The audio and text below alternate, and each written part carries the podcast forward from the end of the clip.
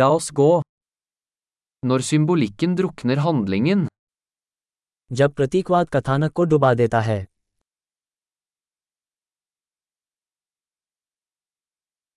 arketyper som er blitt useriøse, मूल रूप दुष्ट हो गए dialoger fra en filosofiundergrads dagbok, एक दर्शन स्नातक की डायरी से संवाद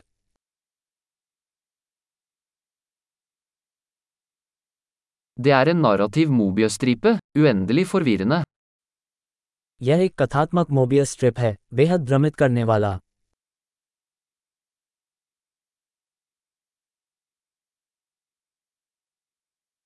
hvilken dimensjon kom dette plottet fra?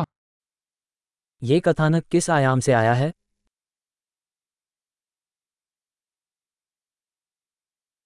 Tilbakeblikk, jeg kan knapt følge nåtiden, flashback मैं बमुश्किल वर्तमान का अनुसरण कर पाता हूँ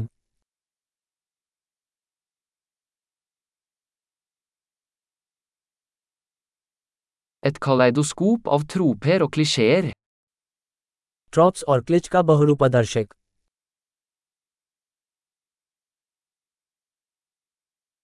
så mange kuler, så lite logikk, इतनी सारी गोलियाँ इतना कम तर्क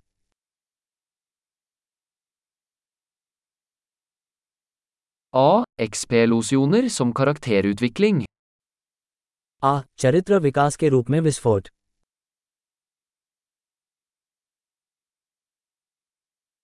hvorfor hvisker de, de sprengte nettopp en bygning.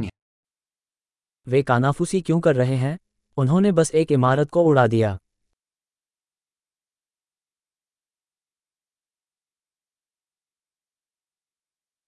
Hvor finner denne fyren alle disse helikoptrene? इस आदमी को ये सभी हेलीकॉप्टर कहाँ मिल रहे हैं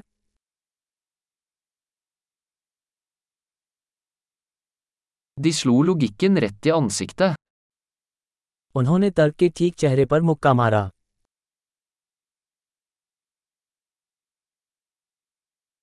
Så vi ignorerer fysikk nå?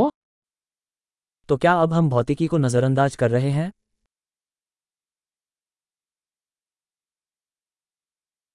Så vi er venner med romvesener nå?